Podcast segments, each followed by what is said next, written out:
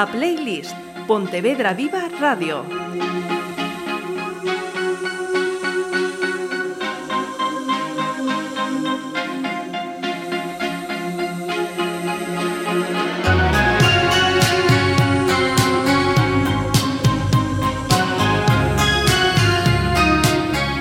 Hola, saludos. Tenemos en esta playlist a un madrileño afincado en Pontevedra. Profesionalmente, en los últimos años, eh, se dedica a escribir y creo que también a otras cosas más he visto. Pero tendremos tiempo mm, para saber cuáles son. Lo primero de todo, fundamental, darle, darle, darle la bienvenida a Valentín Coronel. Muchas gracias por estar aquí y aceptar nuestra invitación. Hola, muchas gracias, muchas gracias por, por invitarme. Para mí es un, es un regalo. esperemos, esperemos que sea así, porque yo entiendo que, y os lo agradezco a todos, que, que, no es fácil, oye, decir, bueno, venga, a pecho abierto, ¿no? Que se suele decir, aquí estoy, tu pregunta, que yo, que yo respondo y yo entro a, a a saco hasta donde vosotros me dejáis, por supuesto. Mira, lo primero, do, dos aclaraciones.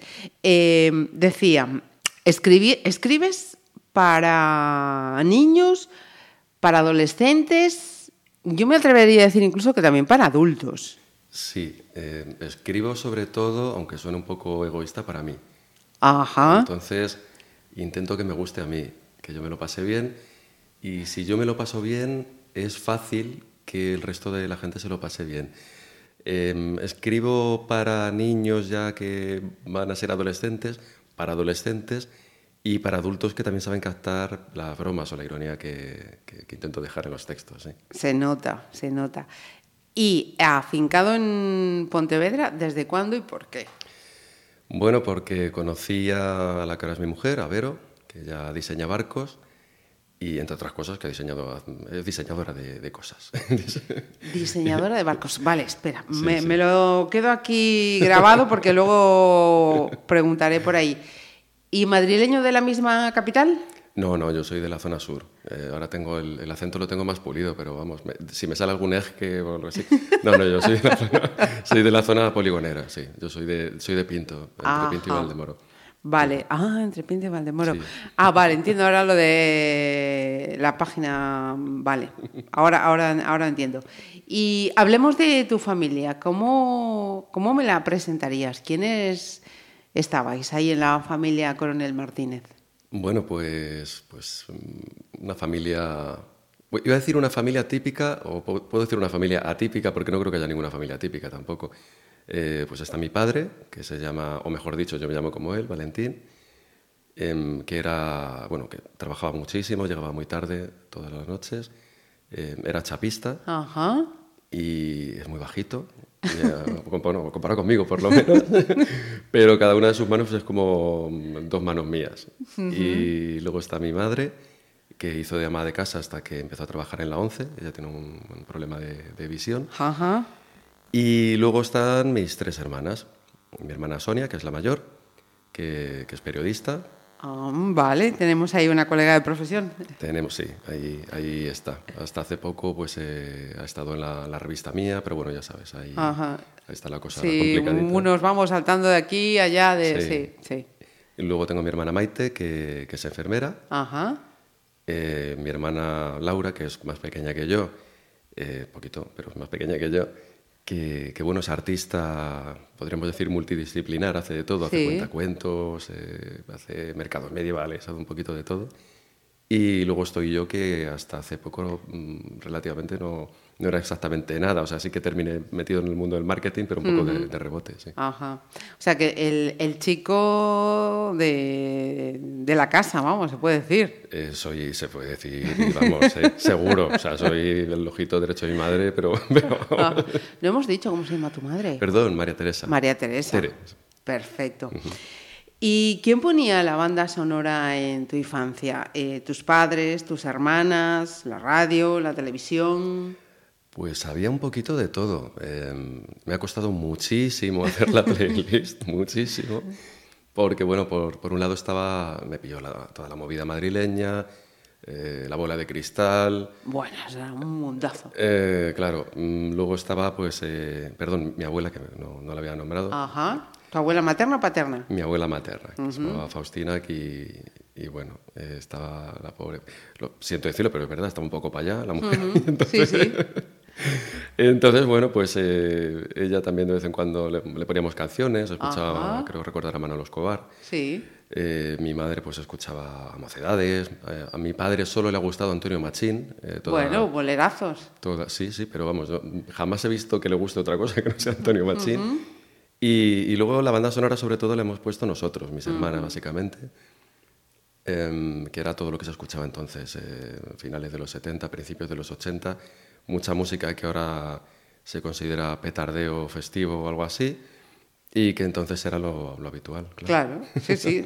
Somos hijos de una generación para lo bueno y para lo malo, ni más ni menos. Mira, ¿y con qué vamos a empezar entonces?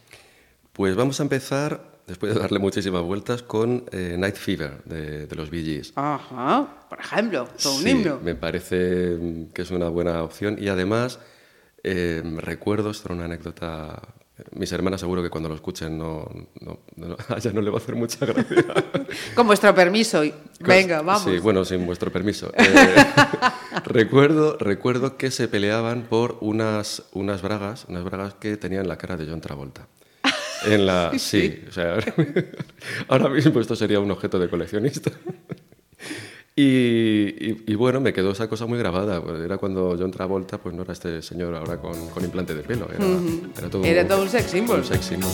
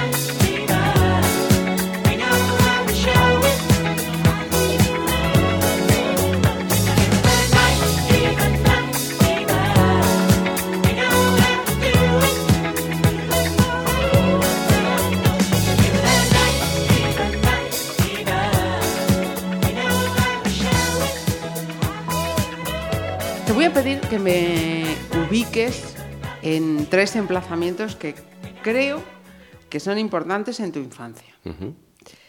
Una fábrica de chocolate, Sí, una biblioteca y las copas de unos árboles. sí, pues eh, efectivamente, la, sí, son tres, tres ubicaciones muy importantes. La fábrica de chocolate, porque realmente yo vivía al lado de una fábrica de chocolate. Había una, una fábrica de chocolate en medio del pueblo y cuando pasabas en invierno, por ejemplo, olía muchísimo a, a chocolate.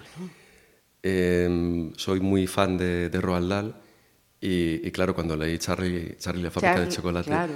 pues también me, me impactó, el, porque bueno, había cierto, cierto paralelismo, por lo menos en lo de vivir al lado de una fábrica de Sí. chocolate. De la fábrica de chocolate actualmente creo que solo queda una chimenea y luego la, la trasladaron. Luego, por otro lado, está en la... Bueno, la- me paso directamente a las copas de los árboles, que fue antes que la biblioteca, Perfecto. porque me encantaba escalar. Eh, era algo que me gustaba, bueno, escalaba cualquier cosa. Y al lado de, de mi casa había un terreno que habían dejado abandonado, con una casa en ruinas, con un montón de árboles, eh, que es el, para mí era el, el parque perfecto. Yo lo siento por los niños de ahora, bueno, los, que- los pobres que puedan salir, porque la mayoría están encerrados, pero eso era, eso era fantástico, porque podías ahí inventarte cualquier, cualquier historia. y, y sí, vamos, de hecho, era el mejor escalador de, de- Del de- barrio. Del barrio, seguro. Bueno, me caí un par de veces y me ha quedado algún recuerdo de aquella escalera. Pero ningún trauma ni nada que no fuera No, no, no, de hecho sigo inherente siendo- a la infancia. Nada, nada, al revés. Eh, muchas veces mi mujer me dice, ten cuidado con lo que haces, que tienes 46 años, porque todavía me queda esa, esa cosa de monillo de, de saltar De- o de brincar o hacer el pino y bueno, eh, así. Ajá. Así me quedo. bien, bien, está bien, está bien. Y nos falta la biblioteca. La biblioteca, sí. La biblioteca para mí fue un descubrimiento, porque yo nunca fui buen estudiante, pero me encantaba leer. Eh, Desde muy pequeñito empecé a leer, me leía todo lo que había en casa. Y, em, es algo que, que- que me ha marcado, el, el leer prácticamente cualquier cosa, sin orden ni concierto, algo que en parte también me ha ayudado a hacer lo que hago ahora, porque recopilo un montón de información y luego la intento ordenar como, como buenamente puedo, como buenamente sé. Y, y me pasé muchísimas tardes en la biblioteca. Era también un lugar de reunión, iba con mis amigos, eh, mirábamos las últimas novedades, había editoriales, nuestras editoriales favoritas. Eh, recuerdo con mucho cariño Alfaguara, por ejemplo. Bueno, claro. eh, que era, era- sabías que si escogías un libro de esta editorial acertabas. O sea, era Ibas además bueno. por edades, los rojos, los Sí, azules, exacto. los naranjas. los- Sí, exacto. Sí, nota para Alfaguara, me gustaba más el diseño de antes, que lo sepan. Mira, ¿por qué, mm, ¿por qué odiabas el colegio? ¿Qué te pasaba? Odiaba el colegio porque creo que el, a ver, creo que el colegio está evolucionando. Hace, bueno, hace poquito hice una mini gira, también estuve aquí en un cole de Cambados, en un cole público además, em, y me he encontrado con, con un cole que no era el que yo viví, que, que era, para mí ahora hay, hay profesores, o quizá el sistema em, se está intentando cambiar. Y ahora intentan hacer partícipes a los alumnos. En este cole de Cambados, por ejemplo, pues eh, vi a alumnos y alumnas que estaban jugando con canicas en el pasillo Ajá. para aprender las medidas, para aprender lo que era un metro, para que, eh, eso me parecía genial. Para mí el cole era eh, pues un sitio en el que me dejaban, las clases de matemáticas eran aburridísimas, espantosas, los libros, eh, por aquel entonces eran de Santillana, me parece, los que yo tenía, eran totalmente inexplicables, o sea, no... Un conjunto vacío, vale, muy bien, pero no sé, eh, te gustaría entender un poco lo que estás haciendo, no lo sabes. Y, y luego mm, creo que antiguamente no se fomentaba la curiosidad de, de los chicos y de las chicas. Entonces es una pena que cuando tienes ciertas inquietudes eh, no, puedas, no puedas desarrollarlas porque al final eh, estás dentro de un sistema muy cartesiano que te dice A más B y esto es lo que hay. O cuando preguntas te dicen, bueno, es que no tienes que entender nada, esto es así. Em, por eso, bueno, a mí el cole, pues en general no... En general la educación no me ha gustado mucho. Ahora, cuando tengo que impartir alguna charla o alguna clase o pues alguna charla sobre marketing, intento hacer partícipe a la gente que lo pase bien y que lo disfrute y sobre todo que lo que estén aprendiendo que les sirva para algo. Porque es lo, lo- lo fundamental. Si tú aprendes, ese, ese aprendizaje tendría que servir para algo, estar destinado a, a algo, porque si no, según lo aprendes, lo desaprendes. Y yo salí del colegio aprendiéndome lo de, lo del el metro y poco más. Claro, yo creo que más, más que aprendíamos, eh, memorizábamos. Una cosa es memorizar sí. y otra cosa es aprender. sí. Mira, y mm, podemos saber quién mm, te pidió que no muriese el niño que llevabas dentro. Eh, sí, pues eh, esto fue en Barcelona. eh, bueno, conocí una, una chica. La historia es, la historia es bonita. eh, el, bueno, el final, pues como casi todas las historias que empiezan bien, termina fatal. pero la historia fue, fue bonita. Eh, tuve durante un tiempo un blog que se llamaba Mayoría de Uno, que creo que todavía queda por ahí algún resto. Y, y nada, simplemente porque me aburría en casa, decidí dedicar cuentos a la gente. Entonces me, me decían, mira, quiero un cuento eh, para mi amiga que le ha pasado esto, para mí por lo que sea. Y entonces yo hacía un mini cuento y lo colgaba en, en la web. En el blog. En el blog. Conocí a, a una chica que me pidió un, un par de cuentos, se los hice y nada, y que me quería conocer, me quería conocer. Al final pues me fui para Barcelona. eh, todo era como muy bonito, muy de historia de amor y tal. Quiso que me fuera para Barcelona, me fui para Barcelona. Eh, me, me dejó el, el recadito este de, de que nunca muera el, el niño que llevas dentro. Lo dejó en un libro. Y, mm, y luego casi ya se carga el niño que llevo dentro, porque después me dejó colgadísimo allí en Barcelona. pero, eh, pero bueno, fue positivo, porque sí que me di cuenta de, de que tenía que, que considerar eso, que tenía que hacer esa, eh, no sé si llamarlo involución o regresión, porque para mí cada día estoy un poquito mejor, eh, que es la, la idea de recuperar todos los valores de... Es, ha sido un teléfono, tranquilo. Todo- todos los valores de la infancia, o sea, todo, todo lo que yo fui, porque a veces nos equivocamos, pensamos que con los años vamos ganando y en realidad estamos perdiendo, estamos restando.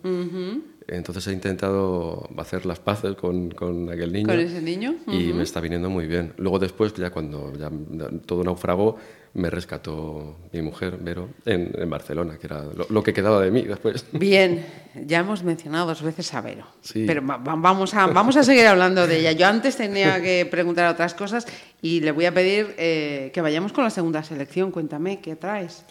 Pues mira, el primer CD que me compré Bien, eh, fue un CD de Otis Redding.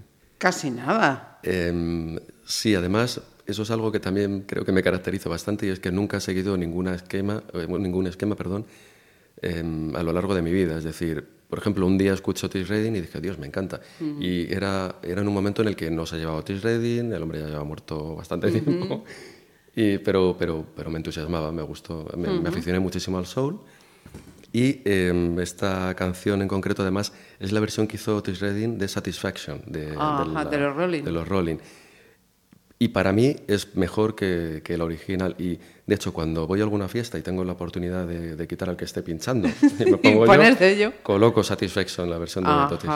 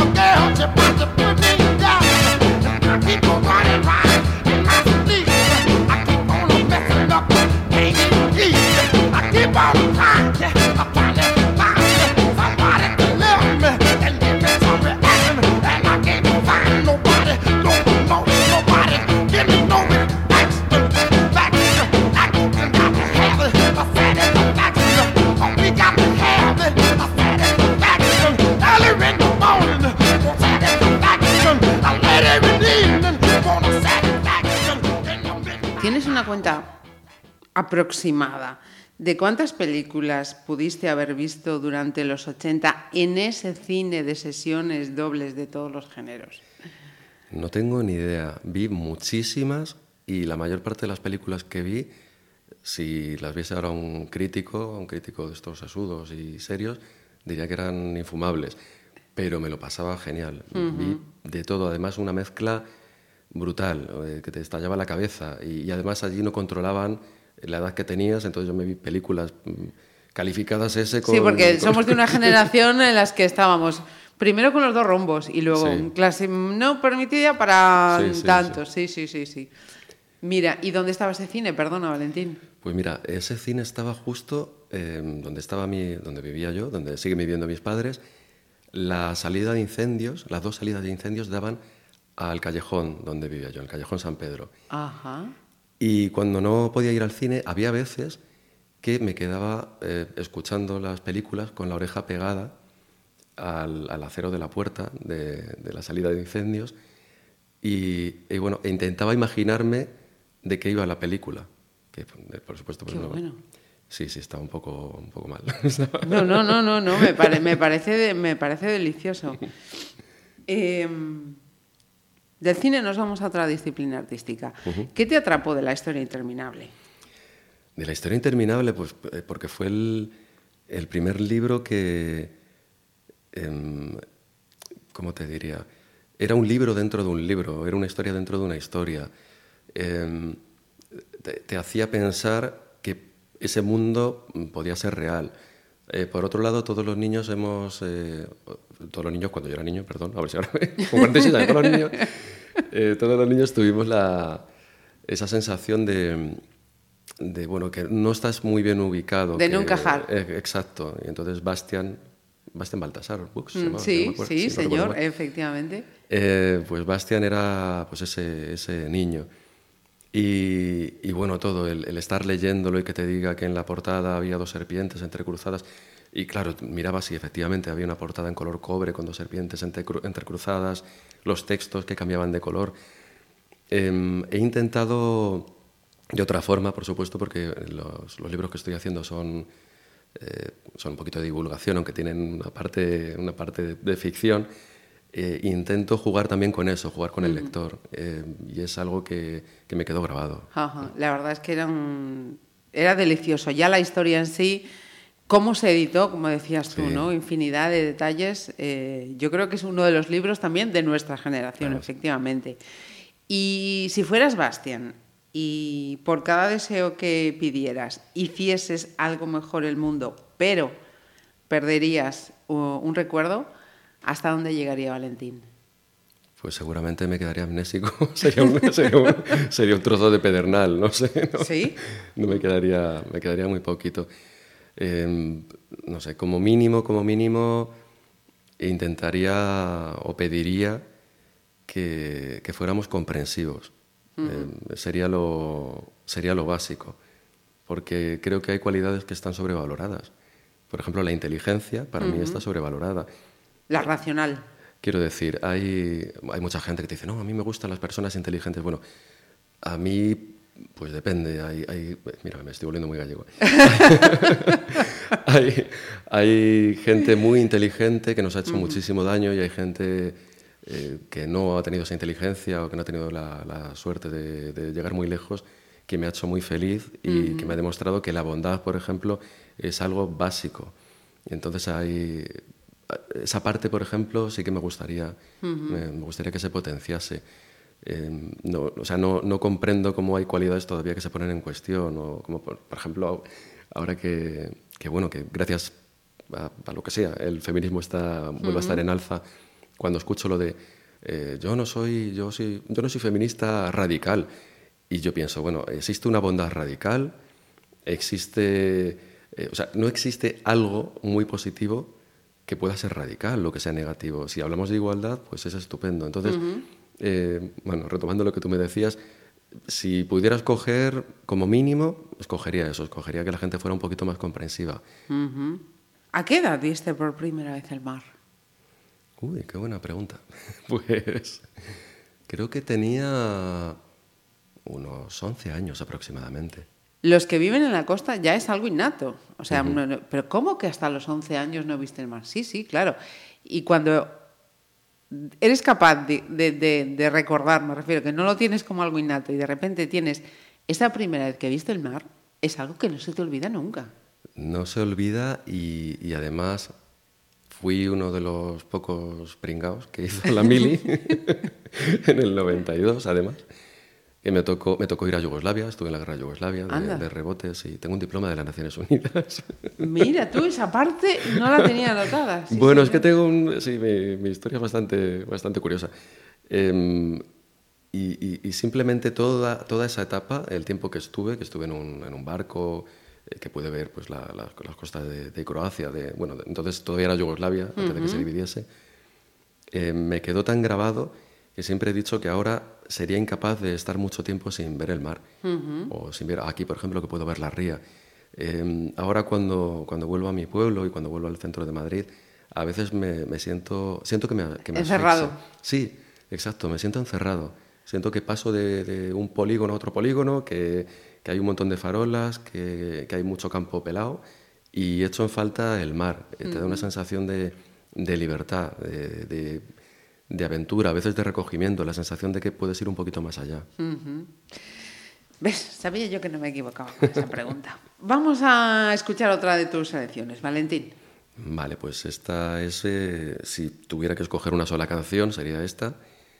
Y, y bueno, la identifico con, eh, en general con, con la rebeldía que sientes cuando eres más, más jovencito. Además, recuerdo la primera vez que, que lo escuché, yo empecé a trabajar pues, muy joven, que antes de cumplir los, los 16 años, estuve compaginándolo luego con, con los estudios. Y, mm, y nada, y sonó en la radio pues una canción que me parecía muy dulce, pero al mismo tiempo tenía una guitarra tronadora que, que te, te machacaba el oído. Eh, y bueno, la canción Creep de, de Radiohead, que mm, no es muy original porque conozco a mucha gente que le pasa lo mismo con, con- con esta canción. Ahora mismo creo que el grupo, eh, bueno, como que no la tiene muy en cuenta. El primer disco parece que está ahí olvidado, que me parece una pena porque el, el primer disco de Radiohead me parecía ya fantástico. Y, y bueno, cada vez que me tomo un par de cervezas y hay un karaoke, intento cantarla fatal, pero, pero, pero me Pero lanzo. te arrancas. Sí, me arranco, me arranco.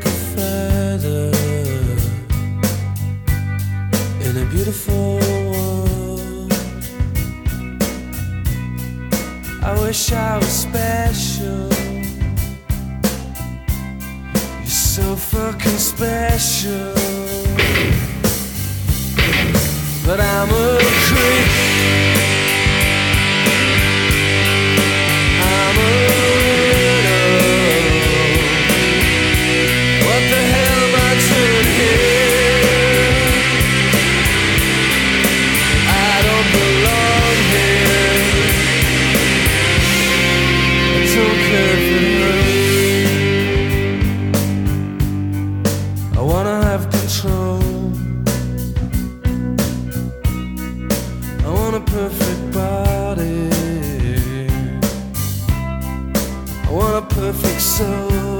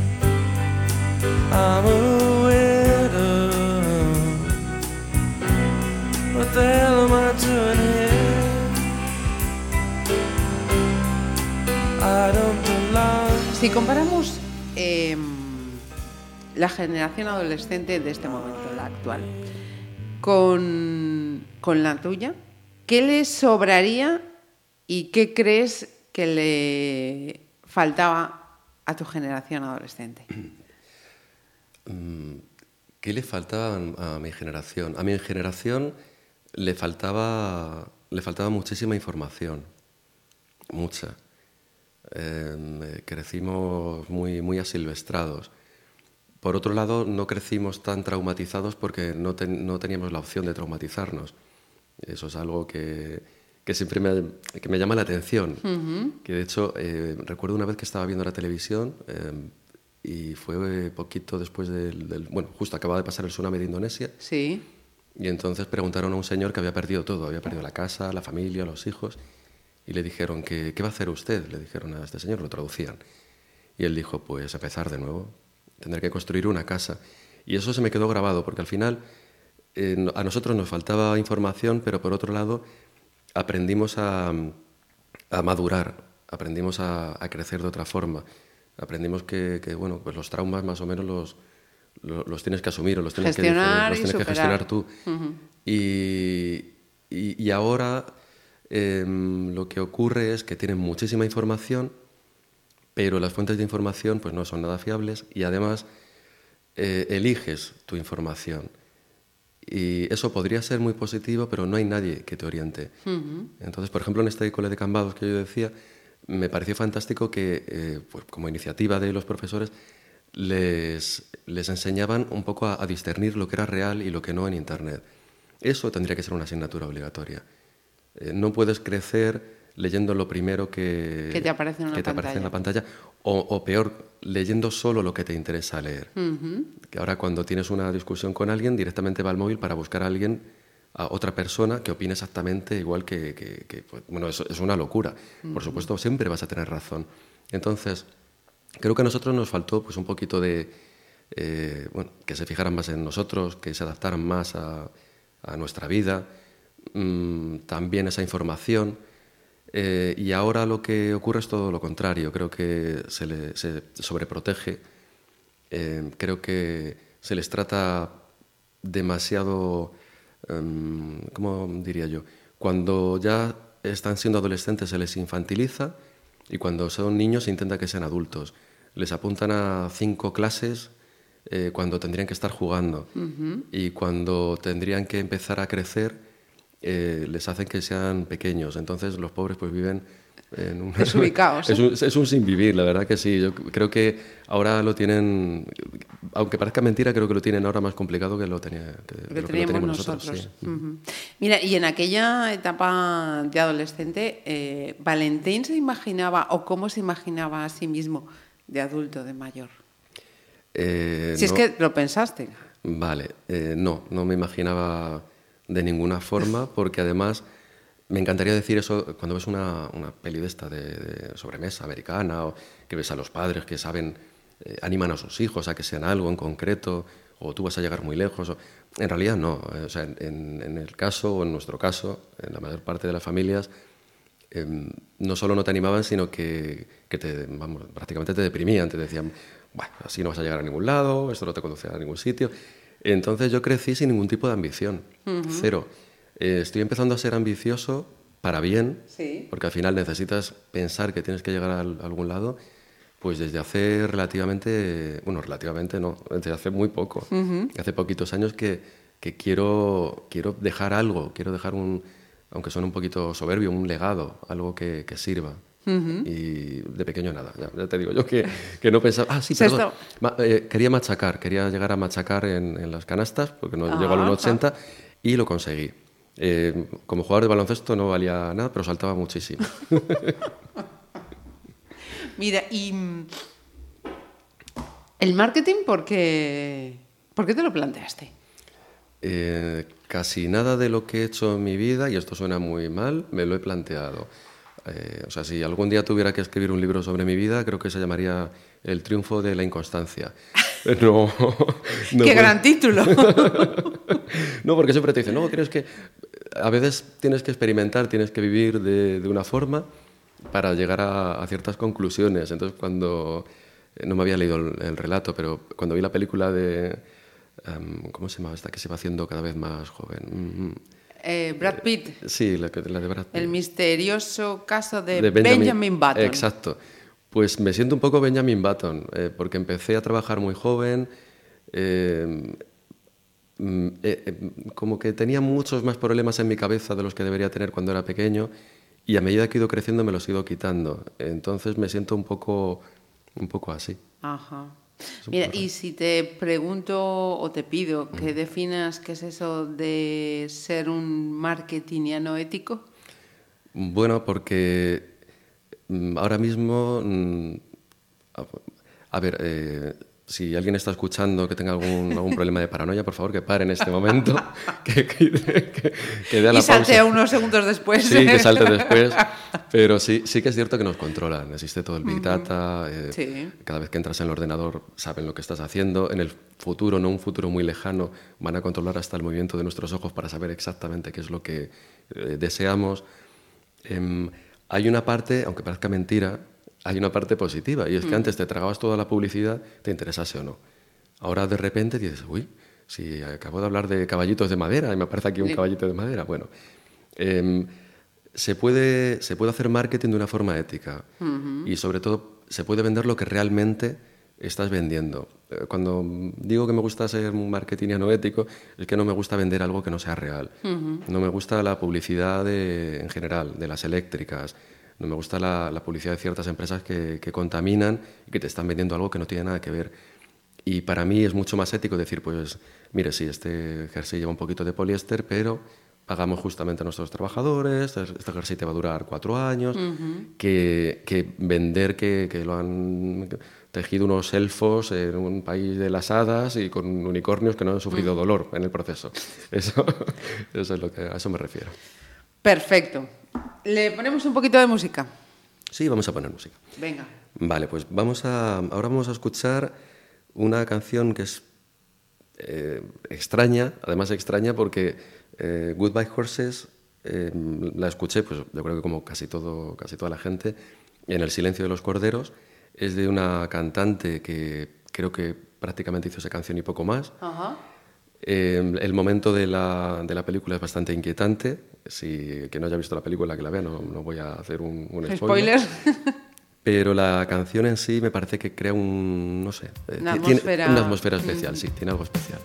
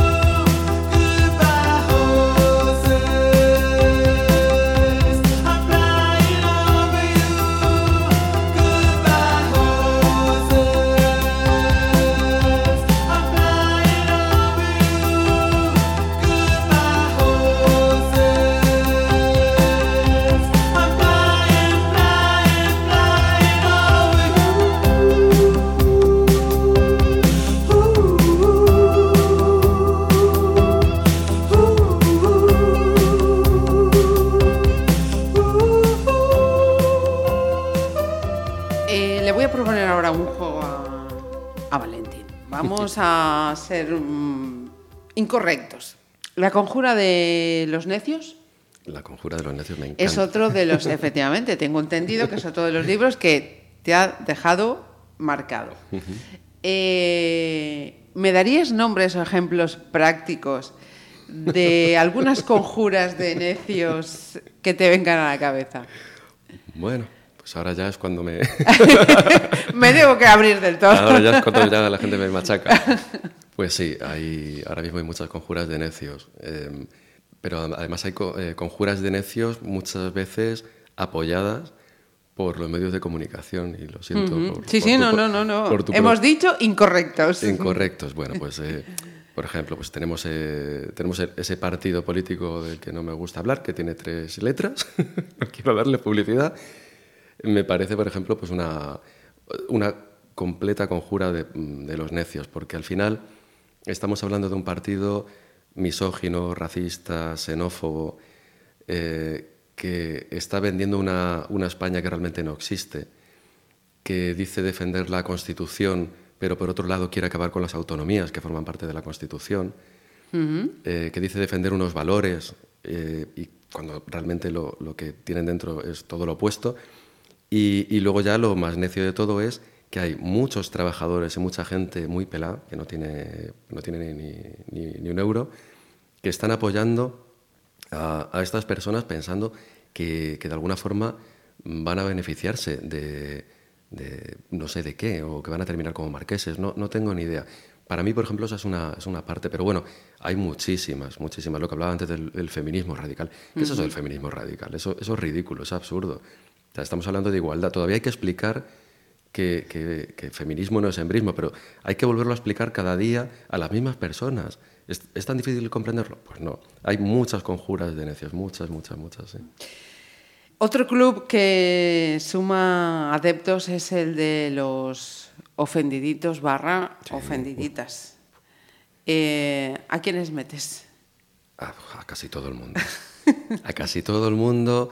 Y ahora me puedo ir al otro lado también, porque hay, de todo. Ahora eh, hay libros que no se pueden leer, hay películas que también están mal vistas, eh, hay actores que...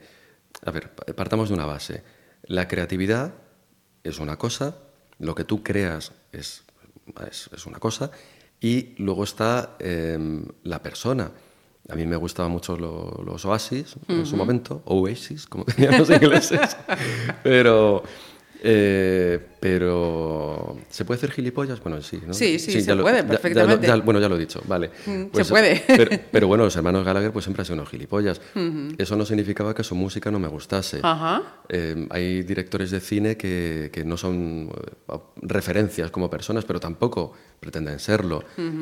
Entonces ahora nos ofende cualquier, cualquier cosa. Y como metas la pata, vas a tener un club de ofendiditos tremendo. Y aquí vuelven a entrar otra vez los medios de comunicación, o supuestos medios de comunicación, tipo Huff- Huffington Post. Ay, que me quedo sin voz. Vaya, me han- hecho algo. No pasa nada. Eh, que crean un clickbait, que te dicen que mira lo que ha ocurrido, o las redes están que arden, y resulta que 10 personas en su casa de millones eh, se les ha ocurrido poner un comentario anónimo en Twitter, y eso genera una noticia. Dar voz a, a esto me parece... to- Mira, lo metemos en, también en la conjura de los necios. Conjura de los necios. Vaya mix entre ofendiditos y conjuras de necios. Bien, nos ha salido, nos ha salido un juego interesante. Vamos a ponernos ahora sí en plan un poco filosófico. Has señalado en alguna entrevista que la, la honestidad te hace vulnerable. Eh, en estos tiempos entonces, eh, ¿no se puede ser honesto o no se puede ser vulnerable? Creo que tienes que aceptar tu propia vulnerabilidad y eso lleva a un proceso largo y, y- y un psicólogo, una psicóloga detrás. Las 24 horas. Las 24 horas. bueno, yo digo que yo digo que, que la, la gente se divide entre los que vamos al psicólogo y los que deberían ir al psicólogo. Y que seguramente si fueran los que deberían ir, nosotros no tendríamos que ir tanto. Pero al final em, creo que, que hay que aceptar la propia vulnerabilidad creo que es indispensable eh, aceptar como somos y aceptar como somos, ojo, nota también para los que estén escuchando, esos que dicen, ay, es que yo soy así y, y soy muy sincero. A ver, eh, ser un zote o ser una mala persona no significa eh, ser como tú eres. O sea, si te dicen, sé como tú eres y, y eres muy mala persona, no lo seas, ¿eh? sé otro, sé otra persona.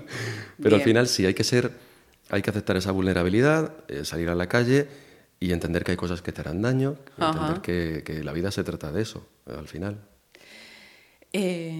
¿Lo aderezamos con música? Por favor. Venga.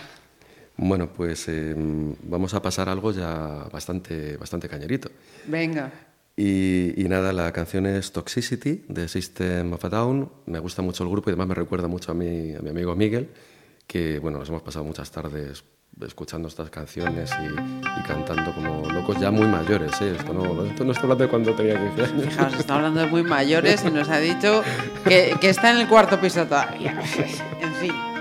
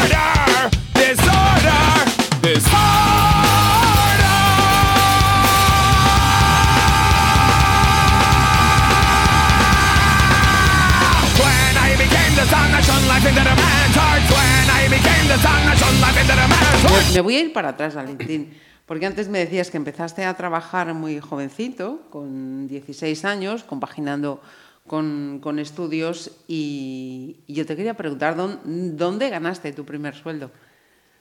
Mi primer sueldo lo gané en un taller de, de electricidad. Estuve, de hecho, empecé antes, antes de que me pudieran hacer contrato, con 15 años, y sobre todo lo que hacía era bobinar motores eléctricos. Mm, No, no sé qué, en qué consiste eso, tengo que decirlo, soy honesta. Pues es. Cuando se quema un motor tienes que cambiar todo el, el- el cobre de dentro y era un Ajá. trabajo así muy, muy artesanal y, Ah. y muy, y muy curioso. Y, y bueno, son de esas cosas que he aprendido en la vida que luego no las he vuelto a utilizar jamás, pero Pero nunca sabes cuándo te puede hacer falta. Bueno, sí. Y ese aprendizaje que llevas de encima. Y em, independiente, ¿cuándo mm, piensas eh, así, echando para atrás, ese momento de decir, mm, entonces fue cuando fui independiente? Uh, pues eh, tarde, tarde, pero bueno, más, que nada por una cuestión económica y, y luego, bueno, mezclado también con, eh, con cierta... bueno... eh, Circunstancias. sí, intenté independizarme, eh, compré un piso, tuve una relación que salió mal, luego tuvimos que venderlo, luego me marché, bueno, yo qué sé. eh, ahora mismo tu- tuve idas y vueltas, la verdad. Espero no, pa- papá, mamá, que cuando escuchéis esta entrevista, por favor, espero que con 46 años no, no tenga que volver otra vez y os pegue el coronavirus encima. No, vamos a, vamos a intentar que, que no, que no Ajá. salga. Pero bueno, ya te digo, ha sido como un, un ir y venir y bastante, bastante complejo. También, si hubiera tenido esa cosita de voy a hacer esto, pues a lo mejor me hubiera ayudado, pero O, o no, quién sabe. No lo sé, la sabe. verdad que no lo sé. Bueno, pues ahora sí, ahora llega el momento. Eh, ¿Cómo y cuándo conoces a Vero? Bueno, pues Vero, bueno, fue muy, muy curioso. La conocí en Barcelona, eh, justo, bueno, ya me, me acababan de, me acababan de, de dejar. Tras esa relación sí, Sí, que no sí, me- llegó a buen puerto, no sí. llegó. Pues nada, un día decidí irme a tomar una cerveza yo solo, que es algo que, que por lo, bueno, en, en- en general en Barcelona no, no suele hacer la gente, salvo que estés fatal, no sé por qué. Sí, no es algo muy Yo habitual. creo, pero yo creo que ya no solo de Barcelona, creo que en general, ¿no? En general cuesta. Oye, mm, pues voy y no, no pasa nada. Sí, pues a, a mí me gusta, es algo que me gusta. A ver, que, que no es necesario que seas el tío de- del final de la barra del bar y que Sí. estés allí puesto de whisky, o sea que no... No, no, no, no, puede- no, pero hablamos de, pues me voy a tomar un aperitivo, me voy a tomar una caña y efectivamente. Sí, pues a veces me, a veces me apetece. Cuando no me odio, mm, disfruto, di- disfruto de mí y digo, ah, pues voy a darme una vuelta.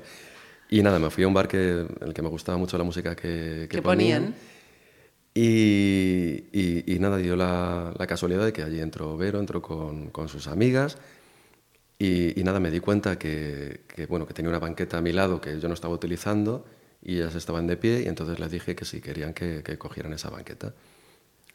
Y entonces Vero, que es, bueno, es, eh, es medio, medio rabuda, medio pataqueira, de allí de Chantada, es, eh, y tiene, bueno, tiene, tiene, tiene su carácter, eh, al ratito me preguntó que si estaba allí por, eh, que había hecho una apuesta con sus amigas y si estaba allí porque me habían dejado colgado o había ido allí a, adrede yo solo, ¿no?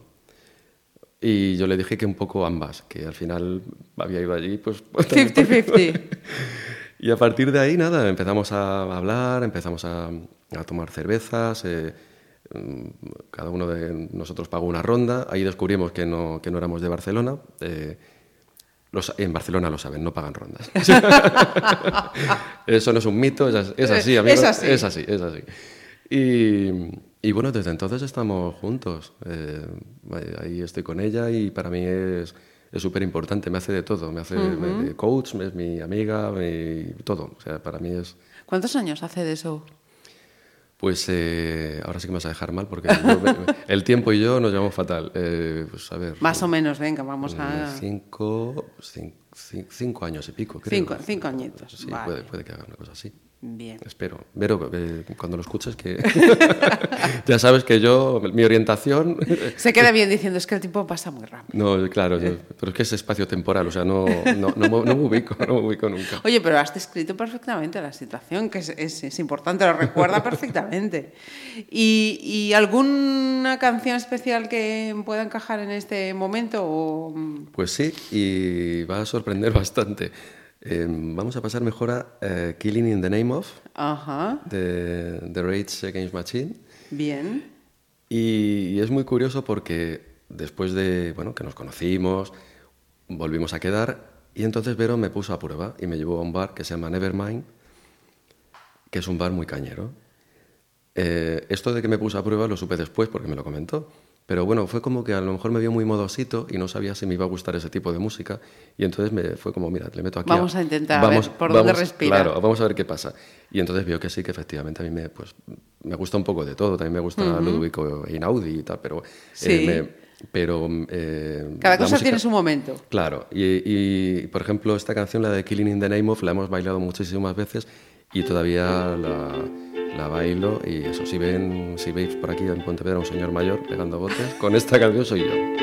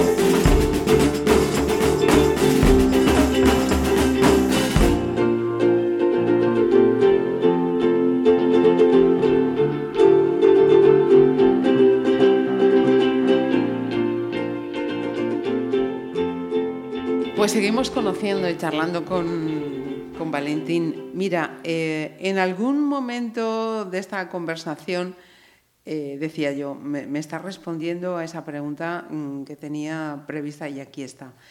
Eh, ¿Son más enriquecedoras las opiniones divergentes? A mi juicio sí. Eh, son más enriquecedoras, que a mí también me cuesta decirlo. Las he hecho aposta, Se lengua la traba. la palabra, la palabra. Bueno, pues sí, sí creo, creo que creo que sí, porque al final eh, no todo es blanco o negro. No, la gente no es mala o buena en general, salvo que seas un psicópata. Que entonces, ni- ni- pero, Estamos hablando de otras cosas. Claro, pero el problema, el problema si eres un psicópata es que ni siquiera lo sabes, o sea que tampoco tienes esa conciencia del bien o del mal. Eh, entonces sí, creo que al final hay que, hay que mirar de, de otra forma, hay que aprender de otra forma. Y, y eso nos hace también, volviendo a lo que decía antes, ser más, más comprensivos. Más comprensivos y más comprensibles. Ajá. Em, vamos con la primera de esas opiniones divergentes. El oso polar que se fue a la playa. ¿Cómo se lo presentarías a aquellos que estén escuchando y, y todavía no sepan que esto es el título de uno de tus libros? Pues es el, el primer título, bueno, la, la editorial a través de, mi- de mi agencia, eh, suena muy bien, tengo una agencia literaria que me representa, y MC son los mejores. Eso suena, vamos, habéis visto, repite, repite. Isabel, Isabel, IMC, se va a partir cuando me escuche. Pues, bueno, a través de la agencia me compraron la, la idea ¿no? de, de crear la colección Tu Opinión Divergente. Y yo ya planteé una serie de títulos. Los dos primeros que planteé eran El oso polar se fue a la playa y Geografía bajo el ombligo. Y, y la idea era pues, crear algo bastante, bastante loco, con cambios de, de tipo de letra, de recursos, de, eh, incluyo cartas. eh. Al final intento que el, que el lector, que la lectora, que se divierta, que se lo pase muy bien, que, que lo disfruten. Y, y más que aprender, eh, intento siempre despertar la curiosidad. Son libros muy cortitos, muy concisos, que no significa que no lleve muchísimo trabajo, porque además es muy difícil condensarlo. Luego por ahí te iba a preguntar, sí, sí, sí. Eh, pero lo que sí que me gustaría es que cuando terminasen de leerlo, luego quisieran ampliarlo, que, que para mí es la idea. Yo, yo no pretendo sentar cátedra de nada, yo soy un mindundi que, que se dedica... Que ha hecho algo muy original, me parece a mí. Bueno, pero que al final eh, siempre pienso que hay gente más lista que yo, más preparada, o en, según qué terrenos, y yo soy un medio. O sea, yo intento que, eh, que todo eso que está ahí llegue de, de, de Ser otra el- puente, ¿no? Exacto. yo, soy, yo soy un puente. Nunca lo he pensado. Por cierto, eh, ¿cuánto has tenido que chapar para escribir eh, eh, estos dos libros? Bueno, mi mujer no está contenta con esto porque vivimos en un piso pequeñito y tenemos... Y no da, no da para tanto. No da para tanto, no da para tanto libro. eh, sí que también utilizo libros electrónicos, pero al final pues me gusta, prefiero el, el, Ujú, el papel. el papel, eh, que de hecho se ha demostrado que en papel se lee, se lee mejor. No sé, es una cosa muy curiosa. Pero, pero uf, eh, no, hay, hay infinidad de títulos. Y, y lo que es mejor, la mayor parte de lo que he leído no me ha servido para nada. Toma. No, porque al final eh, sí que buscas esa opinión divergente y te das cuenta que tampoco puedes repetir un, un modelo, o un modelo de escritura o lo que te están contando y tienes que buscar algo un poquito más, más original. Ajá. Y hay veces que, que lo he encontrado en, en libros que no tenían absolutamente nada, Nada que ver con lo que buscabas. Sí. Mira, em, después de todas esas chapas que has tenido que pasar, positivas o negativas, para escribir tu, tu libro, sobre todo este primero, me centro en el primero, en el oso polar, ¿cuánto de postureo hay en el ecologismo? Eh, pues casi todo.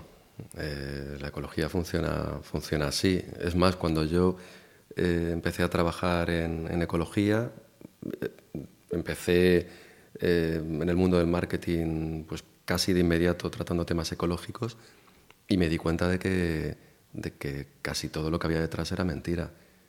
De que las camisetas supuestamente ecológicas no lo son, eh, que los ciclos de la moda son tan rápidos que al final mm, hacen que compres mucho más de lo que necesitas, eh, que productos ecológicos te los traen desde las antípodas y al final tienen una huella de carbono muy grande y, que encima estás pagando un pastón por auténticas chorradas. Eh, o sea, hay veces que estás pagando por un producto supuestamente ecológico una cantidad desorbitada cuando podrías comprar al tendero de la esquina que tiene un primo que tiene un campito al lado y seguramente eso va a ser mucho más ecológico que lo que estás consumiendo. Vamos con otra de tus elecciones. Que el interrogatorio todavía sigue. ¿Qué vamos a escuchar ahora, Valentín? Pues eh, mira, vamos a escuchar eh, Postcards from Italy de, de Beirut. Uh -huh. mm, es una canción que me trae muy buenos recuerdos, mm, la he ido escuchando bastante a, a lo largo de mi vida y, y, además me recuerda mucho a mi hermana Laura porque justo antes ah. de, de la boda hicieron un, un vídeo, una especie de vídeo conmemorativo. Ajá. Y, mi hermana pues hizo un baile, eh, se grabó bailando con, con esta canción. Ajá. Y es una canción que... De esas canciones que te transportan, que te llevan a, sitios desconocidos. Eh, y me, bueno, a mí me gusta mucho.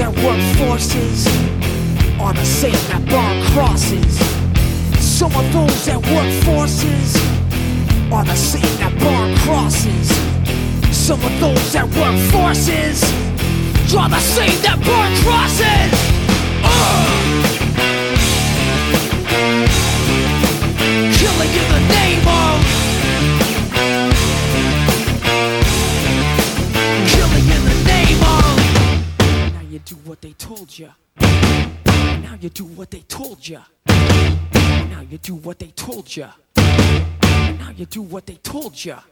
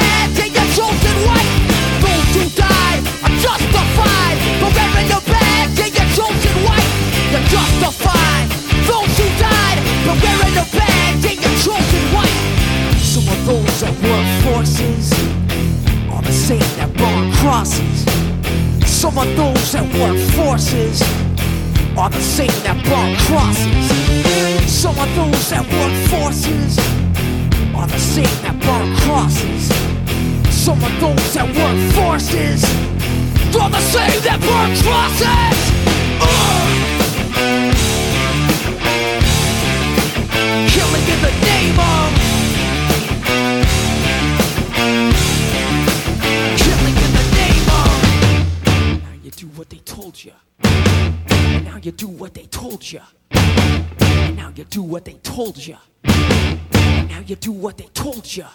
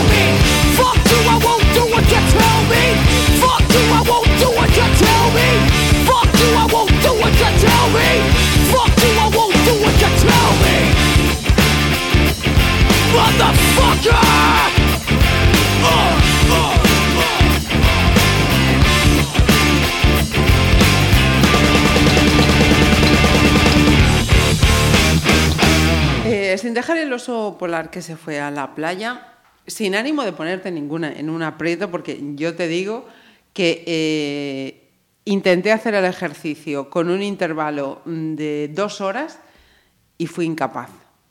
Mi memoria no, no daba. ¿Qué es el término bio? ¿Qué es el término bio? El término bio, eh, ahora, porque hace unos años el término bio lo podían poner en cualquier cosa. Entonces había un yogur que decían que era bio, cualquier cosa era bio. Eh, ahora ya, afortunadamente ya, ya mm, lo, lo bio realmente es bio, sería algo eh, básicamente ecológico, o lo que llaman en Estados Unidos orgánico. Al final algo bio eh, pues es algo que no, eh, que no lleva químicos, que durante el proceso pues, eh, ha respetado el medio ambiente.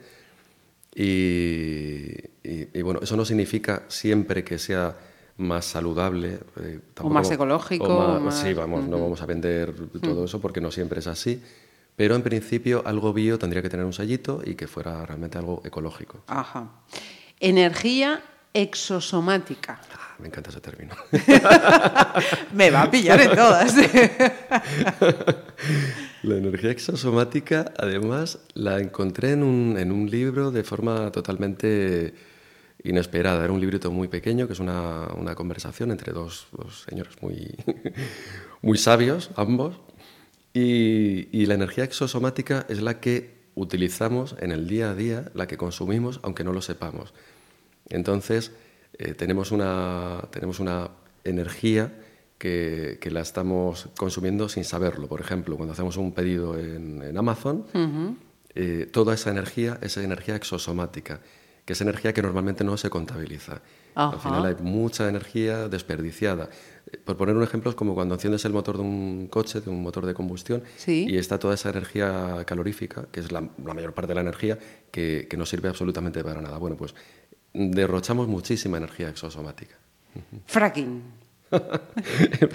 El fracking no es eso que estáis pensando, lo que- Eso luego va a venir más adelante, tranquilos. el, fracking, el fracking es algo, es algo terrible para, para el medio ambiente. Eh, lo que hacen es inyectar eh, pues unos, unos líquidos, unos líquidos con unos químicos en el, en el subsuelo y eso hace que eh, empuja a lo que hay en el, dentro de- en el interior hacia el exterior. Por ejemplo, así pueden conseguir gas natural. Em, ¿qué, qué ocurre con eso? Bueno, pues que se contaminan los acuíferos. Eh, bueno, hay un documental que se llama Gasland, que, que es- hay una escena muy curiosa en la que encienden un mechero en el grifo cuando está saliendo el agua y se prende fuego. Bueno, pues son esas, esas cositas. Y cuando hay alguna fuga de, de este líquido, pues a lo mejor se te mueren 20 vacas. Así, ese es el, el fracking. Acrónimo. PET. Como me digas esta ya, vamos, me caigo de la silla. Ay, por favor. Es, mm, es polio... Espérate. Eh, mm, poliute- se lo sabe. pol- ay. Venga, Venga, simplemente, está aquí anotado. Si eres eh, capaz de decirlo si- a la primera, vamos. Lo- yo lo he tenido que anotar porque digo, no, no me sale ni de broma. No me atrevo ni a leerlo. Poli, politerfalato de etileno, algo así. Bueno, más o menos. Eh, bueno, es- Impronunciable. Es, impronunciable, sí. Es, es un tipo, es un tipo de envase. Es un tipo de plástico, por decirlo de, de alguna Ajá. forma. Hay muchos, hay mu- mu- muy variados. Y cuando dicen lo de eh, este envase de plástico va a tardar no sé cuántos eh, miles de años, eh, no siempre es así porque depende del tipo de plástico, depende del proceso. no siempre funciona todo de la, de la misma manera. Incluso ahora hay plásticos que se hacen eh, pues de maíz, que no son, no- realmente no son plásticos y que se degradan mucho, mucho Mucho antes. mejor. Ajá. Mira, ¿quién es o quién era Turedó y, y su derecho a la pereza? Ture- tu- tu- Turó, bueno, Turedo, Ah, Turedo. ah, vale, vale. Pues, pues mira, ¿ves? Perdón, tampoco sé si se pronuncia así, ¿eh? pero creo No, que yo de francés. mm, Sí, es no- un, no- no- eh, claro, es que es un apellido mm, así medio francés eh, y un señor americano, pues... Ah, mira tú, yo pensé, Turó. digo, pues no sé, no había escuchado yo a este hombre. Pues Turó mm, para mí es un, el primer referente ecológico que, que- que- Bueno, ecológico realmente. Es un referente activista. Ajá. Fue el primer señor que, que dijo que con sus impuestos que, que no se iban a, a financiar guerras, por ejemplo, y se negó a pagar impuestos en Estados Unidos. Ajá. Era un señor que estaba muy en contacto con, con la naturaleza.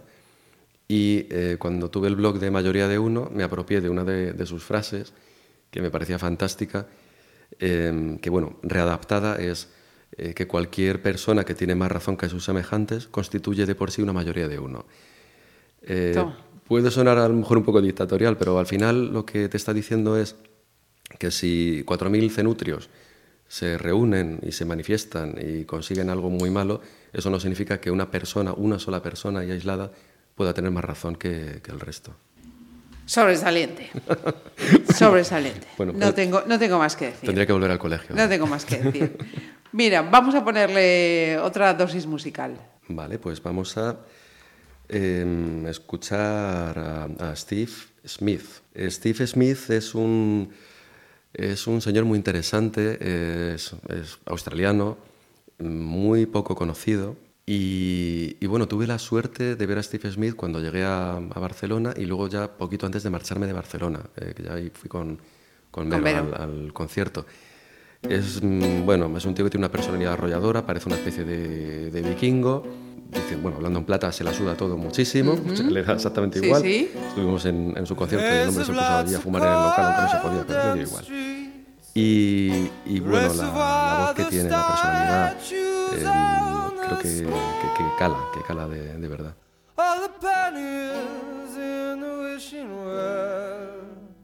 All the footsteps I keep ahead. Sullen trees are gone, believe. The rest of winds blow through hollow ponds. All the pennies in the wishing well. All the pennies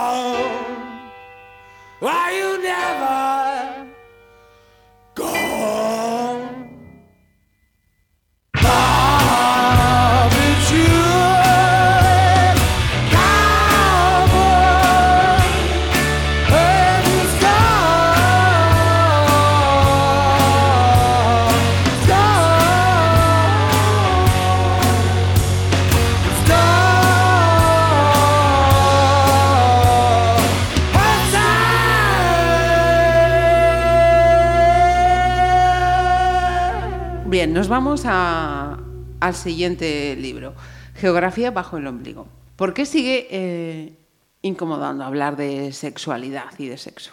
Pues sigue incomodando porque hemos asociado la sexualidad con, con algo malo, con algo negativo. Y, creo que es tan, tan simple como eso. Eh, al final todos nos criamos pues viendo, viendo porno, viendo pues unas, unas imágenes que, que muchas veces no tienen nada que ver con, Con la realidad. realidad. Y, y bueno, jugamos con ese morbo, eh, lo cual no es malo siempre que... Que, fin- sepamos cuál es la realidad y cuál es la ficción. Ex- Exacto, y que no te- y Y hay unas normas de... Bueno, en fin, Sí, podríamos a- seguir hablando mucho de Sí, es cierto, al final, al final es, es eso. Pero sobre todo, la, para mí, los culpables eh, somos en general nosotros, o los seres humanos, o, o los colectivos, porque todos venimos a hablar de nuestro libro. Al final es así. A mí me, me pasó haciendo, haciendo este libro, por ejemplo, que, que intenté contactar con diferentes colectivos y al final había muy poquita gente que quisiera mojarse. Ajá. Que no sé si mojarse es el mejor término. pero- Bueno, bien. Eh, pero- Entra en el argot. Pero bueno, eh, fue, fue muy complicado, fue muy complejo. Eh, al final el, el lenguaje inclusivo mm, casi se come al libro porque era, eh, había que intentar hacerlo que llegase a más personas. Eh, por otro lado, mm, los colegios en general se desentendían. Eh, los alumnos que han participado en el libro, eh, no, los nombres no han podido aparecer y por supuesto no aparece el nombre del colegio porque el AMPA tendría que haberlo permitido. Ajá. Y, y, y- and, and so on, que dicen, vamos, o sea, y así podemos seguir. Ha sido, ha sido muy, muy complicado, ha sido bastante complejo. Y ahora lo bueno, lo positivo, es que estoy viendo que, que tiene buena aceptación y que, como siempre digo, que personas mucho más preparadas que yo eh, le están encontrando utilidad. Entonces, eh, mm, eh, pues sexólogos, sexólogas, eh, eh, dentro, dentro del mundo de la psicología, creen que es un libro útil. Y eso es lo que he pretendido, por supuesto, que fuera útil y que fuera divertido y, y no, pues no meterme en camisas de once varas, pero sí por lo menos que, que- que cuatro conceptos quedasen muy básicos. O sea, perdón, que no fueran cuatro conceptos básicos quedasen muy claros. Mira, yo mm, he descubierto algunos términos también. Decía, venga, A ver, a ver ponemos si me en acuerdo, a ver en, si me modo, acuerdo de en modo didáctico. Eh, espera que no, no soy capaz de entender ni mi propia letra. Bueno, eso nos pasa a todos y alguno ha sido presidente del gobierno también. Era abdorgar... ab- a ver si lo digo. Abdorgasmos. Abdorgasmos, espérate que, es que, que lo mismo ni me acuerdo de este término. ¿eh? Puede ser. No, no, no lo recuerdo. No, mira. A ver, si la memoria no me falla, creo que era eh, tener un, or- un orgasmo mientras se hace una práctica deportiva. Ay, es verdad. Ya- vale, ya me la recuerdo. Sí, eh, es, es un tipo de orgasmo involuntario. Eh, entonces eh, puedes tener un orgasmo, mm, pues yo qué sé, por ejemplo, o incluso montando a caballo. Ajá. Eh, mira, conocí una chica que, que tuvo un orgasmo montando a caballo. Sí.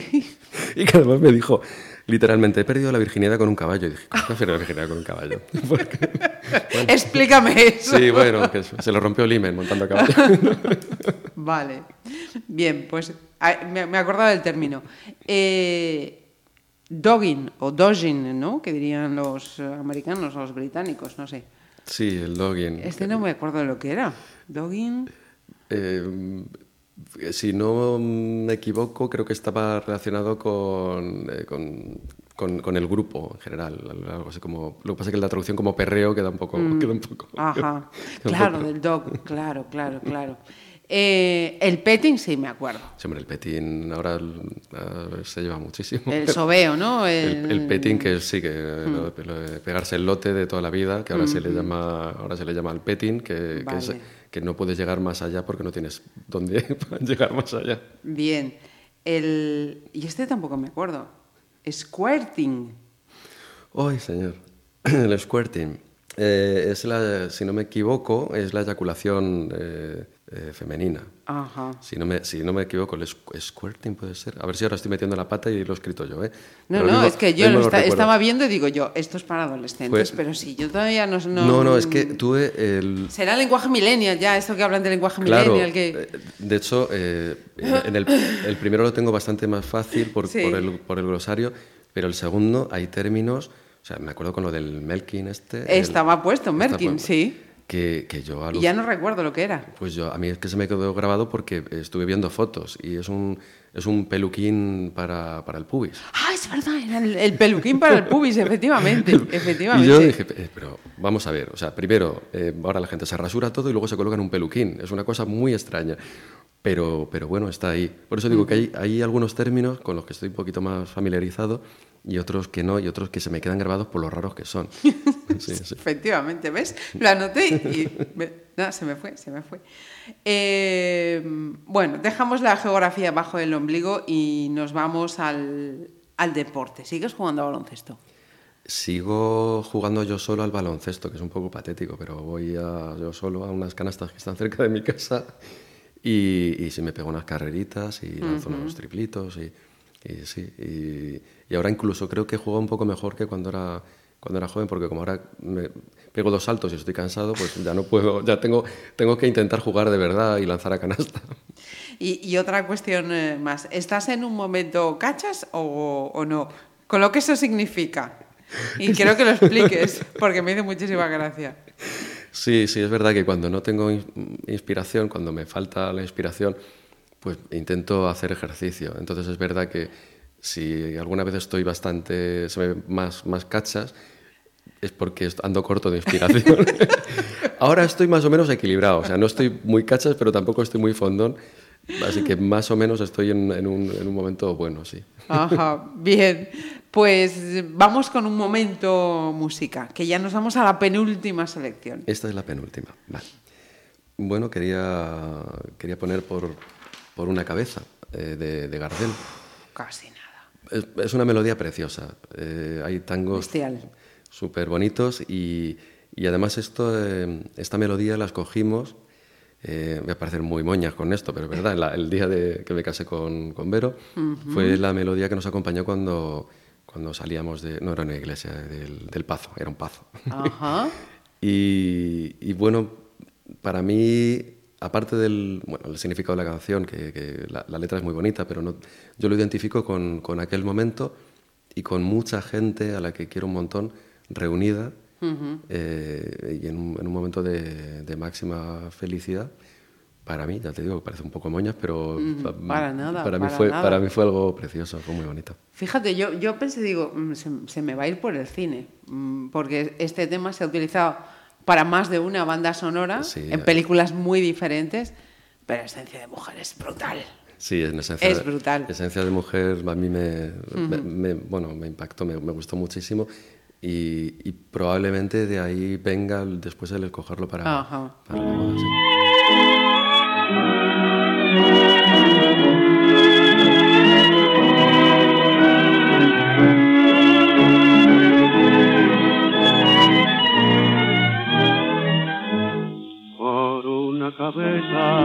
De un noble potrillo que justo en la raya afloja al llegar.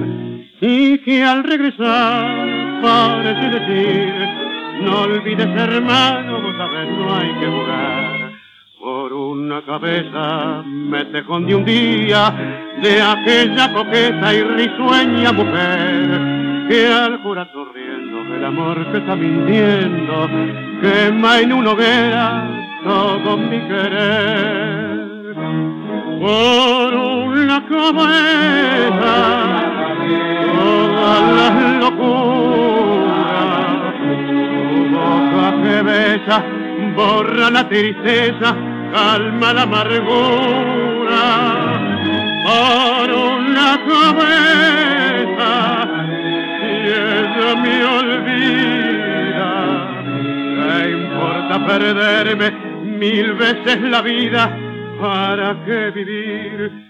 Tanto desengaño por una cabeza, yo juré mil veces, no vuelvo a insistir. Pero si un mirar me hiere al pasar, tu boca de fuego otra vez quiero besar. Basta de carreras, se acabó la timba, un final reñido yo no vuelvo a ver. Pero si algún bingo llega a ser fija el domingo, yo me juego entero, ¿qué le voy a hacer? Por una cabeza, toda la locura, tu boca que besa, borra la tristeza, calma la amargura. Por una cabeza, ella me olvida, ¿qué importa perderme mil veces la vida? ¿Para qué vivir? Retomo el, el momento boda. E- ¿Esa boda es una vez que ya estabais instalados aquí en, en Galicia? Sí, sí, pedí. A ver, el, el- el matrimonio se lo pedí. no, se lo- iba a decir hincando la rodilla, bueno, me duele la rodilla, fue más en cuclillas, ¿no? Que. Pero se lo pedí en, en Barcelona y, y sí, fue ya en- aquí en, en Galicia. Fue, en- Ajá. fue en un pazo. eh, nos casó pues, el, el alcalde de Chantada. Ajá. Y, y fue un momento muy especial. sí. Ujú. ¿Y, y Pontevedra posteriormente? ¿Por qué fue? ¿Por cuestión laboral? ¿Por qué fue? Pues en principio era por cuestión laboral porque eh, Vero empezó a trabajar en un estudio de diseño aquí. Ajá. Y después nos hemos quedado aquí pues porque nos encanta la ciudad. Es una que yo siempre digo, que no se me ofendan los de Pontevedra, por favor, los de Pontevedra, que para mí es un pueblo, no es una ciudad. Y es lo, para mí es el mayor piropo que le puedes hacer a una ciudad, sentirte a gusto. Yo salgo a pasear y conozco a la gente de vista, eh, sabes incluso quién te puede robar la cartera, que eso es algo muy entrañable. Hay pocos. ¿Y práctico? y práctico. Eh, el otro día estuve cortándome el pelo y eso me corté el pelo con, con el alcalde. O sea, me estaba cortando el pelo, se sentó un señor y resulta que era el alcalde y estoy hablando con él. y, y, bueno, en general es así, lo veo todo muy, muy accesible. He hecho en falta un poco más de empleo eh, para, para, para los no funcionarios, eh, que es un, es un tema más, más complejo. Pero como modelo de, de ciudad, como digo, ciudad barra pueblo, Sí. mm, Pontevedra me parece el, el sitio ideal para, Ajá. para vivir. O sea, para mí Vigo es la, la antítesis, La antítesis. y que no se me enfaden los de Vigo. No, no, cada cosa mm, en su sitio. Oye, cada una tendrá sus virtudes y sus defectos. mm, Y no, y no pasa nada. Mira, ¿y qué es eso de que nunca cocinas igual el mismo plato? Eh, es así, es verdad. Eso, vamos, eh, algún día hablas con... Con Vero y te lo Hab- Hablarás confirmo. con Vero seguro, porque aquí en Pontevedra al final no- nos conocemos, nos vamos conociendo todos. Eh, es así, eh, en general, a ver, soy una persona mm, creativa al 100%, con todo lo bueno y lo malo que conlleva.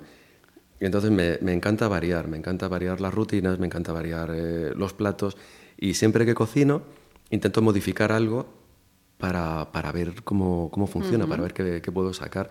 Entonces me gusta mucho, eh, pues, por ejemplo, me gusta mucho la cocina thai, me gusta mucho la cocina india y, y me gusta mucho jugar con, con los sabores. Normalmente el experimento suele salir bien. Eh, hay veces que no, pero bueno, el, el- digamos que... lo- Fallo error tiene que estar. Si el no fallo, hay- eso es la vida, o sea, el fallo es eso. Efectivamente. Eh, Cometes errores y luego ya ves que- cómo va la cosa. Y si pensáis que no cometéis errores, mal. Eso, eso, hace- haceroslo mirar, haceroslo mirar. Eh, mira, hablamos del tema charlas, también lo hemos comentado en algún momento de, de esta conversación. ¿Qué es lo que más te sorprende de, de los chavales? Lo que más me sorprende de, lo- de los chavales, lo que más, más me ha sorprendido es que los he visto muy solos. ¿Mm? Muy, muy solos. Eh, me ha parecido precioso, o sea, cuando voy a dar alguna charla a algún colegio, en Valencia, por ejemplo, que me sentí, volví, volví vamos, exultante. Era, decía, pero Dios, soy, soy como una estrella del rock. qué, qué maravilla, lo- me han hecho un homenaje. y eh, pero luego también veía que se, se me acercaban buscando un, un referente Ajá. Y, y parece mentira, pero tengo la sensación de que ahora tienen muy poquitos Lo que decías antes, ¿no? Que no tienen referentes. Eh, sí. ya no solo hablo de- del paterno o el materno, sino que, como dice Bob Pop, que me gusta mucho, eh, necesitamos más referentes y menos, menos Y influencers. menos influencers. Al final estamos rodeados de influencers que son personas que no te tendrían que influir lo más mínimo porque no han hecho nada con su vida salvo ponerse cuatro trapos. y, y en cambio al final eh, sí que necesitarías a alguien que de alguna forma te, te ilusionase o te orientase o, o, no sé, de alguna forma te vieras reflejado en, en- en él o en ella, ¿no? Eso creo que sería, sería muy bonito. Y lo que más me ha sorprendido es eso, los he visto bastante... huérfanos de referencias. Sí, un, un poco, ¿no? Bastante huérfanos de, de referencias. Si me cogen a mí como referencia, imagínate cómo está la cosa. de, de-. No, no, no, no, no, no, no, de, eso, de eso nada, de eso nada. ¿Cómo va ese libro de ficción? Pues estoy, estoy en ello. Estamos, eh, bueno, ahora al final va a ser Cristina Picazo la que, la que lo va a ilustrar, espero, a ver luego cómo, cómo sale la cosa. Y bueno, hemos llegado a un acuerdo. Ahí ya tengo, ya tengo escrito gran parte del libro y espero que sea una serie. O sea, Me gustaría que fuera más, más de un libro. Va a ser un libro divertido y ameno y, y creo que creo que puede que puede gustar bastante. es, este sí es más para eh, bueno para lo- bueno los adultos lo pueden leer no hay ningún problema pero sí sí es más para chavales y chavalas. ¿eh? Bien. ¿Y mm, por dónde irá la próxima opinión divergente? ¿Se sabe?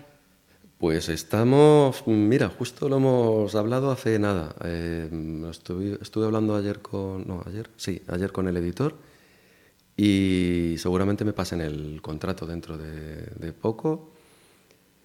Y mm, lo único que puedo decir es que va a sorprender porque ni yo pensaba que iba a ir por ahí. Bien, vale, estare- estaremos atentos. Atentos entonces a esa próxima eh, opinión divergente, esa colección que, como decíamos, lleva ya mm, dos, dos libros. Eh, el oso, lo tengo que mirar porque de memoria tengo que reconocer que no, que no me lo sé, a ver dónde lo tenía. El oso que se fue El oso polar se fue a la, oso se fue a la polo playa. se fue a la playa, efectivamente, Marisiña. Y geografía bajo el ombligo. Este sí, esto lo tenía delante, lo tenía más fácil.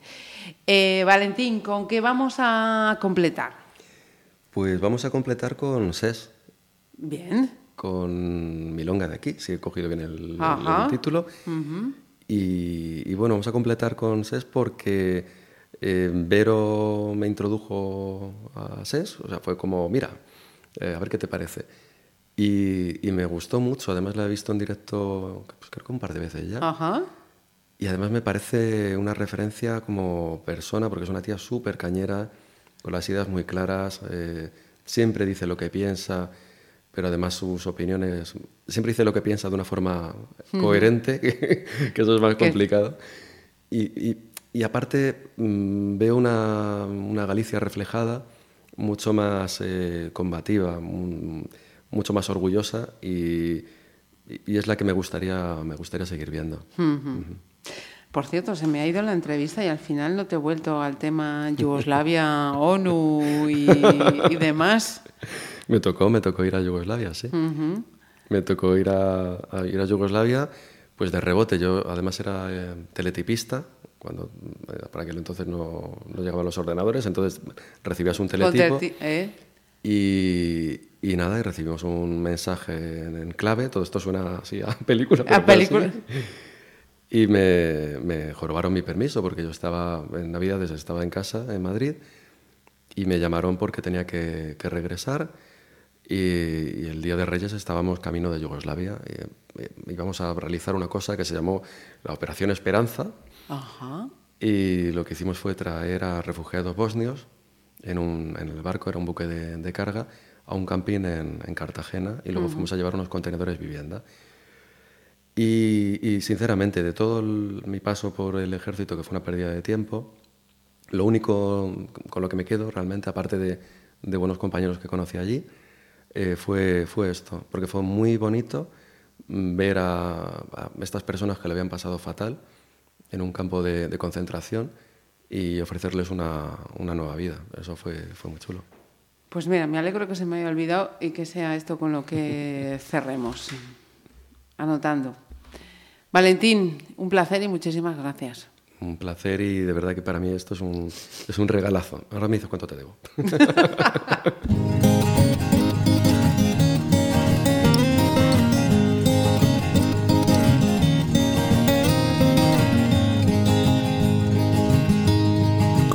fresco de mar Curo feridas e loitos Que sexan poucas ou moitos E necesario sanar. E vendo o mundo rodar Dando tumbos de vencido Dou por perdido, perdido E recollo que quedou E co que me queda vou Seguindo meu percorrido. Para seguir camiñando fago noite na esperanza. Apoiome nas lembranzas e alimentome de sons. E nutrome das cancións que dan cor a esta existencia Evitando a disidencia dun obrigado vivir. Que me fan chorar e rir Que me instalan na insurxencia. E quero bailar o ritmo do que vive ilusionado.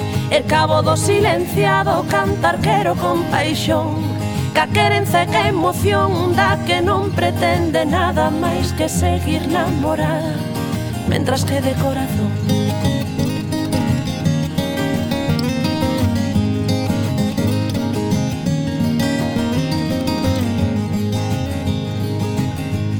Aspiro a soñar experta para facer máis levadeiro Este treito traizoeiro que garda unha fin inferta E cantar a gorxa aberta e deseñar utopías Para encher de luz os días en que o sol non me sorrí En que non te teño a ti para inspirarme melodías. E así seguirei rimando no medio do bombardeo Emulando canso reo reconvertido en poeta que tengo fora por meta e tengo dentro valeiro un ollar sempre tristeiro e o pensamento no ar onde vou ao meu cantar onde non hai carcereiro. E quero bailar o ritmo do que vive ilusionado e cabo do silenciado cantar quero con paixón ca querenza e ca emoción da que non pretende nada máis que seguir namorada. Mentras que de corazón.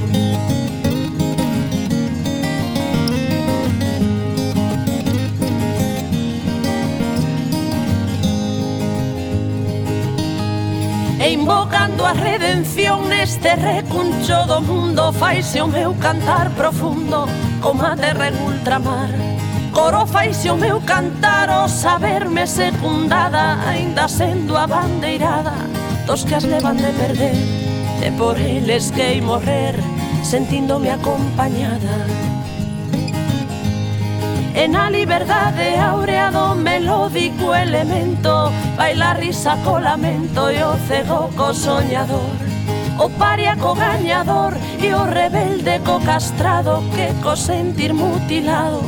Ignora aquilo que eu sei Por ele que eu berrarei para velo liberado. E quero bailar o ritmo do que vive ilusionado. E cabo do silenciado cantar quero con paixón. Ca querenza e ca emoción da que non pretende nada máis Que seguir namorada mentras que de corazón E quero bailar o ritmo do que vive ilusionado. E cabo do silenciado cantar quero con paixón.